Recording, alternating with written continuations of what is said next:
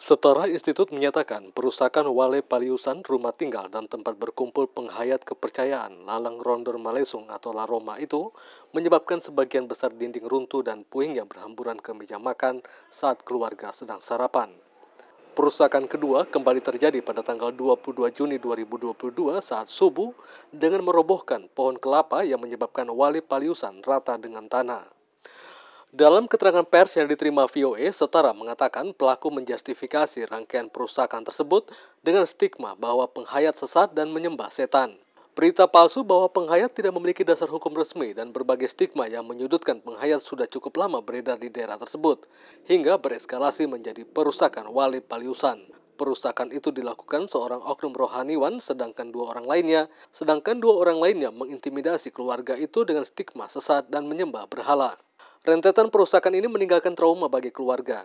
Berdasarkan penelusuran setara institut, tiga korban saat ini masih dalam proses pemulihan dan kondisinya sangat lemah. Seorang korban bahkan sempat dua kali jatuh pingsan karena stres. Seorang anak yang melihat langsung puing-puing jatuh saat ia sedang makan juga terdampak shock. Setara institut mengecam provokasi oknum rohaniwan yang memantik dan bahkan terlibat dalam perusakan Wale Paliusan rohaniwan seharusnya berperan dalam merawat perdamaian. Kata peneliti kebebasan beragama berkeyakinan setara Institut Sierra Anggreni Buntara dihubungi VOA Jumat 24 Juni. Di wawancarai VOA, Ketua Umum Lalang Rondor Malesung atau Laroma, Iswan Sual menjelaskan dampak dari peristiwa itu menimbulkan kekhawatiran bagi pihaknya dalam melakukan kegiatan ritual budaya. Kini mereka mempertimbangkan untuk melakukan ritual jauh dari perkampungan masyarakat. Ritual budaya itu dilakukan sekali dalam sebulan saat bulan purnama. Jumlah penghayat La Roma diperkirakan 157 orang. Ya ini tiba-tiba aja begini.